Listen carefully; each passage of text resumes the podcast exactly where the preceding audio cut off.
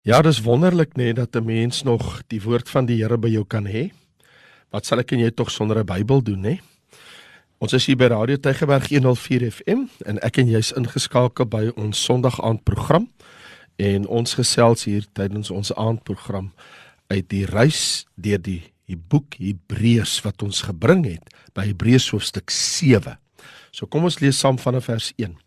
Want hierdie Melchisedek was koning van Salem priester van God die Allerhoogste wat vir Abraham te gemoed gegaan het by sy terugkeer toe hy die konings verslaan het en hom geseën het aan wie Abraham ook 'n tiende deel van alles gegee het. Hy was in die eerste plek volgens uitleg koning van die geregtigheid en dan ook koning van Salem, dit is koning van vrede. Sonder vader, sonder moeder, sonder geslagsregister, sonder begin van dae of lewenseinde maar gelykgestel aan die seun van God bly hy priester altyd deur.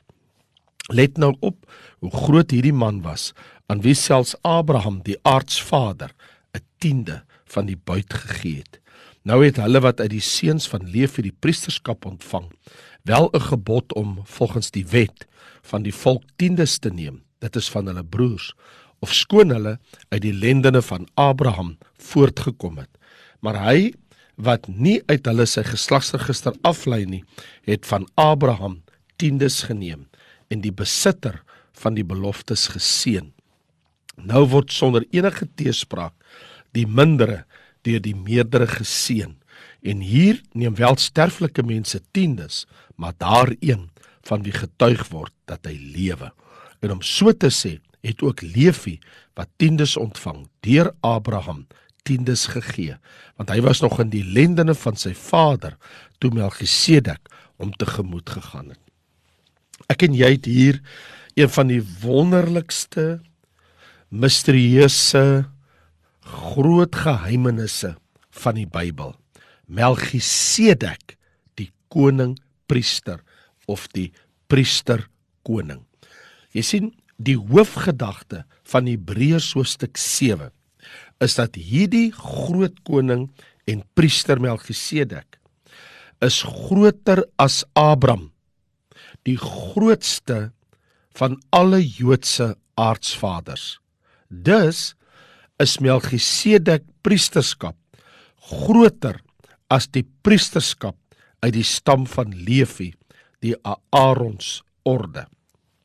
Jy sien die Bybel vloei oor met name van mense. Sommige name ken ek en jy baie goed. As ek vir jou sê Matteus, Markus, Lukas, Johannes, Dawid, Daniël, dis wel bekend. Ons almal ken daardie name. Aan die meeste Christene is hulle bekend want hulle het in die Bybelse verhaal 'n betekenisvolle rol voltooi. Maar dan is daar Bybelname minder bekend aan ons. En tog is daar sekere Bybelkarakters wat ons nie kan bekostig om te vermy of oor te sien nie. Ons moet hulle erken en waardeer vir wie hulle is indien ons wil sien en verstaan hoe die skrifte die saligheidsplan van God aan ons openbaar en ons uiteindelik lei na die evangelie van Jesus Christus. Byvoorbeeld, ons kan nie faal om te praat van Abraham, van Moses en Dawid as mense wat God gebruik het om die ou verbond daar te stel nie. As dit nie was vir die brief of die boek Hebreërs nie, sou ek en jy sekerlik nie baie aandag gegee het aan die naam Melchisedek. Heel waarskynlik, as ek vir jou sê skryf gou vir my 10 Bybelname neer op 'n papier, dan wil ek jou amper waarborg dat in 99% gevalle van alle mense gaan die naam Melchisedek nie daai lysie van 10 haal nie. Jy gaan heel waarskynlik praat van Johannes, van Jesus, van Dawid, Daniël, Matteus, maar ek en jy vind hier in Hebreërs hoofstuk 7 dat daar groot betekenis geheg word aan die naam Melchisedek omrede ons se Here Jesus Christus het daai selfde titel ontvang, die orde van Melchisedek. Nou die heel eerste vermelding van die naam Melchisedek in ons Bybel is in Genesis hoofstuk 14. En die Hebreërs skrywer, hy verwys nie hier in Hebreë 7 op 'n terloopse wyse na Abraham en Melchisedek se ontmoeting nie.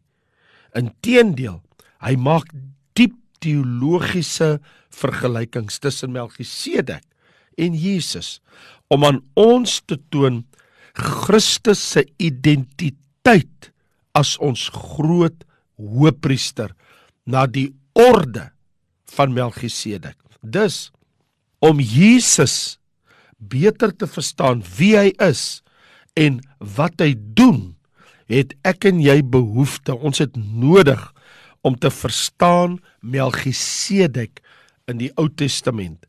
Nou Melchisedek is die een naam wat Christene werklik behoort te verstaan.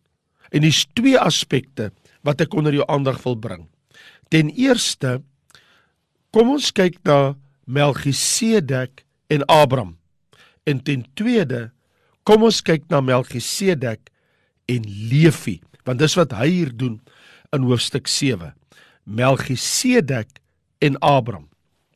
Hier staan want Melchisedek, dis nou Hebreërs 7, was koning van Salem, priester van God, die Allerhoogste, wat vir Abraham tegemoet gegaan het by sy terugkeer toe die konings verslaan het en hom geseën het, aan wie Abraham ook 'n tiende deel van alles gegee het. Hy was in die eerste plek volgens uitleg, dis nou Melchisedek, koning van geregtigheid en ook koning van Salem. Dit is koning van vrede. Sonder vader, sonder moeder, sonder geslagsregister, sonder begin van dae of lewenseinde, maar gelykgestel aan die seun van God, bly priester altyd deur. So die eerste ding wat ons hier tref in hierdie verse, vind ons belangrike detail rondom die identiteit en betekenis van Melchisedek vir ons as Christene. Ten eerste let ons op dat duidelik sê die Hebreërskrywer hierdie Melchisedek die priesterkoning. Hy was koning van Salem, priester van God, die allerhoogste God. So die verse begin met 'n beskrywing van die historiese Melchisedek verwysend na terug na Genesis 14. En hy word geïdentifiseer as die koning van Salem en as priester van die Allerhoogste God.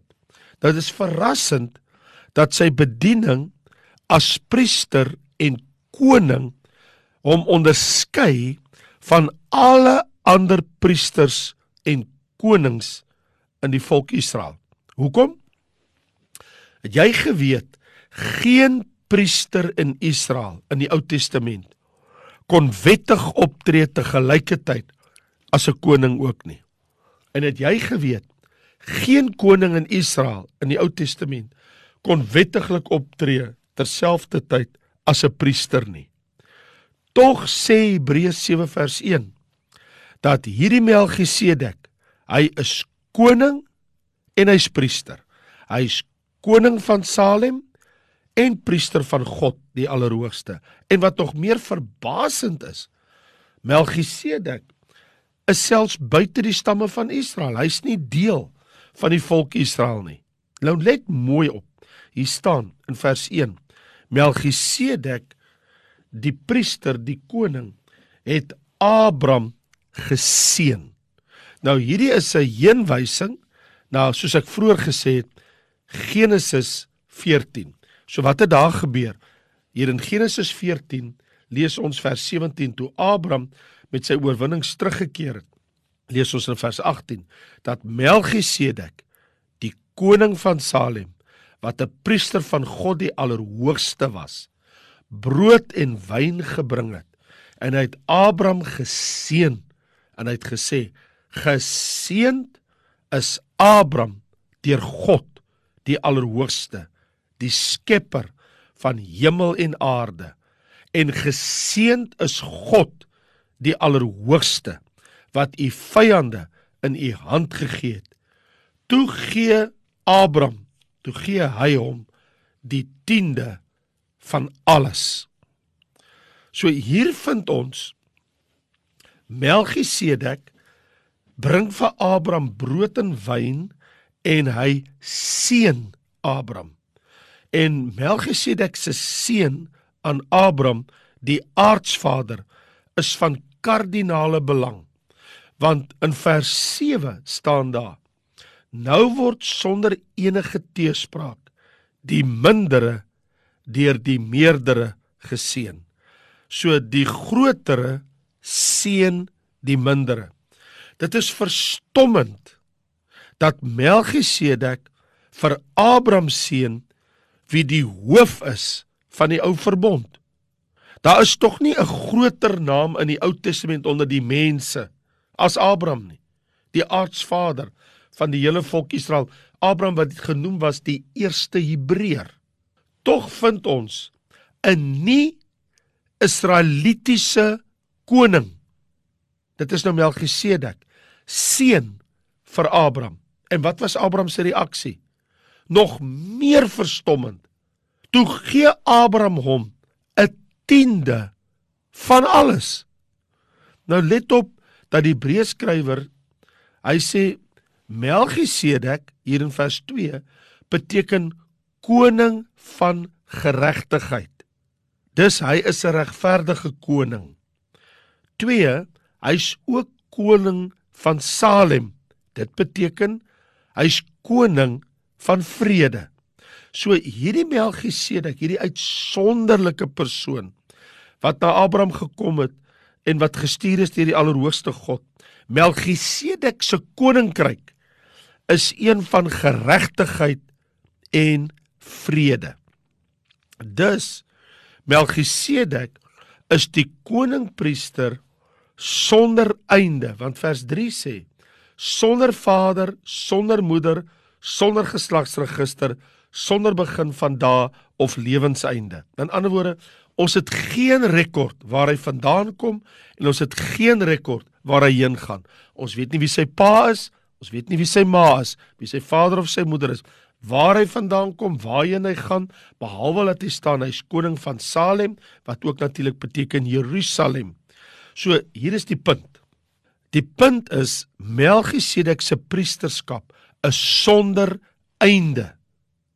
Melchisedek was nie 'n priester omdat sy pa, sy vader een was nie. En Melchisedek het ook nie priesters gehad wat hom opgevolg het nie. Hy's enig in sy soort. En die Hebreërs skrywer, hy kommunikeer met ons dat die Melchisedeks orde van priesterskap is enig in sy soort. Dit is ongekend. Ongewoon, buitengewoon. Melchisedek is 'n priester volgens die allerhoogste God se goddelike verordinering, sy bepaling. Dus Melchisedek verskyn op die toneel sonder 'n geskiedenis van 'n vader en moeder of selfs 'n geslagsregister. Hy het geen seuns. Hy het nie opvolgers nie. Hierdie is 'n skerp kontras teen die priesterskap in Israel wat totaal gebaseer is op die Levitiese priesterorde stelsel. So wat is die punt wat ek wil maak? Melchisedek se priesterskap hou geen sins verband met 'n nageslag of 'n afstammeling nie. Daaroor is die Bybel duidelik. Ander woorde, sy priesterskap is deur goddelike aanwysing bekragtig. Sy aanstelling as priester, daardie priesterskap duur dus vir ewig. En God het gesweer in Psalm 110 dat U is my seun, praat hy met Jesus met Adonai. Hy sê en ek het U gemaak. Ek seën U. Ek gee vir U. Ek maak U. Ek sweer, dit sal my nooit berou nie. U is priester, hoëpriester vir ewig volgens die orde van Melchisedek. So wat Melchisedek die koningpriester betref, dit was geen klein saak wat Abraham vir hom gegee het nie. Ek bedoel aan hierdie Melchisedek het Abraham het hy wat nou net al die konings verslaan het, hom 'n tiende van alles gegee. En dis een van die mees onverwagte. Dis een van die mees fascinerende dele van die hele Ou Testament. Is daai gebeure, daai raaiselagtige gebeure, daai misterieuse gebeure van Genesis 14. En die feit dat die benaming aardsvader by Abraham se naam gevoeg word hier in Hebreë 7 beteken dat die aardsvader, die vader van alle vaders, die aardsvader Abraham het hom 'n tiende gegee van alles. So die betekenis is dat die een wat die hoogste eer en respek het in die Joodse lewe, Abraham, uit hom Isak en Jakob, is mos die identiteit van die volk Israel vasgelê. Wat die skrywer vir ons sê, van alle mense in die Ou Testament is die grootste van almal Abraham. Maar Abraham onderwerp hom aan Melchisedek en gee vir hom 'n tiende van alles nadat Melchisedek hom geseën het. Dus vir daai rede is Melchisedek groter as Abraham. Hy sê let op hoe groot hierdie persoon was. Vers 4. Aan wie selfs Abraham, die aardsvader, 'n tiende van alles gegee het. In ander woorde, Melchisedek is groter as Abraham. Die man uit wie die hele volk Israel kom, die hele nageslag van die Jode. Levi wat uit die nageslag van Abraham kom, Abraham, Isak en Jakob en dit Jakob die 12 seuns om so te spreek. Hy sê hier in Hebreë 7 in vers 9 om so te sê het Levi wat tiendes ontvang deur Abraham tiendes gegee want hy was nog in die lendene van sy vader toe Melchisedek hom tegemoet gegaan het. So uit Levi kom die Aarons priesterstam, die Joodse priesterlike stam kom tog uit Levi en uit Aaron en hulle betaal deur Abraham tiendes aan Melchisedek. Nou hoekom is hierdie skrywer so besorg dat ons as Christene hierdie goed moet verstaan? Hoekom wy hy 'n hele boek, 'n hele hoofstuk hier aan? Hoekom beklemtoon hy hierdie dinge met soveel tegniese detail?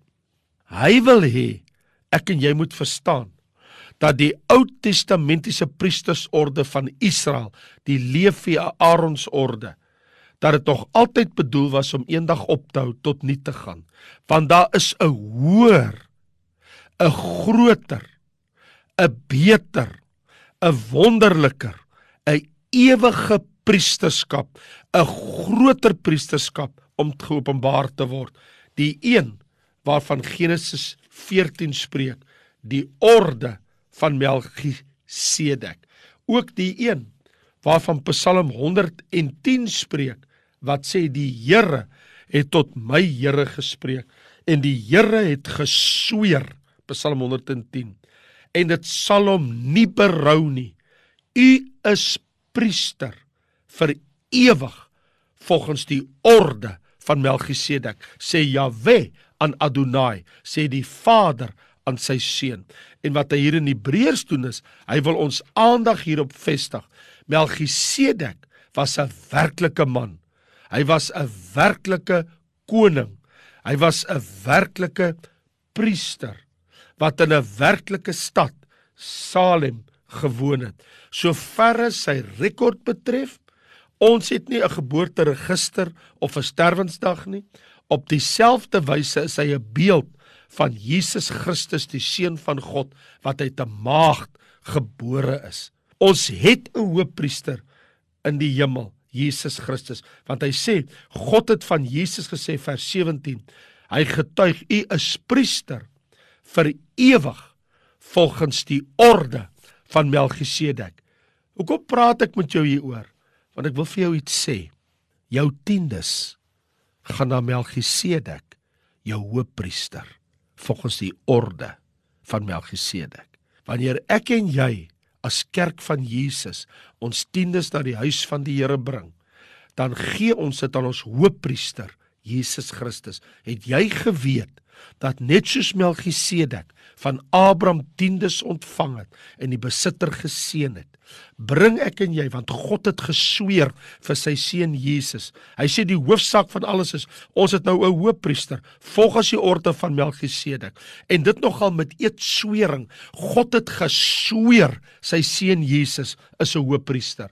En as jy 'n hoëpriester is, moet jy tiendes ontvang. So wanneer ek en jy ons tiendes bring na die huis van die Here, bring ons dit na ons hoëpriester Jesus Christus. Ons het 'n hoëpriester in die hemel.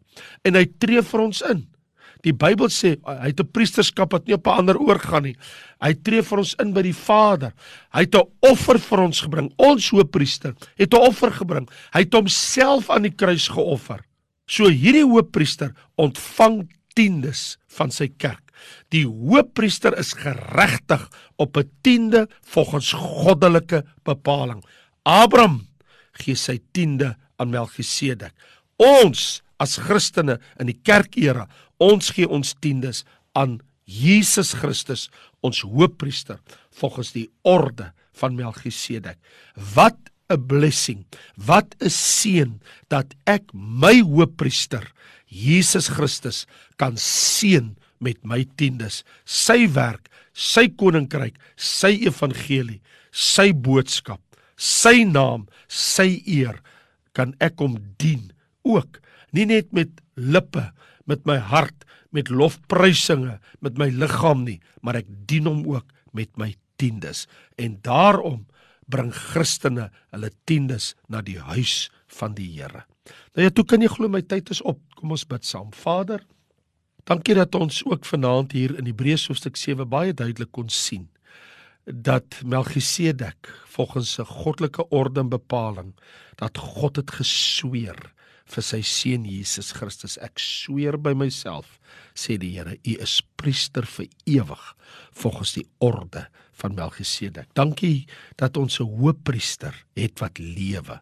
Sy priesterskap gaan op niemand oor nie. Daar's niemand wat oorneem by hom nie. Daar's nie opvolgers nie. Hy's priester altyd deur vir ewig en altyd. En daarom, omdat hy hoëpriester is, waardig is hy om ons tiendes te ontvang. Dankie Here dat ons elke week, elke maand getrou ons tiendes en dankoffers aan U kan bring, ons hoëpriester in die hemel. Amen. Nou toe ek is Raymond Lombard, was heerlik om met jou te kuier. Volgende week gesels ons weer uit die woord. Dan sit ons ons reis deur die boek Hebreërs voort. Totsiens.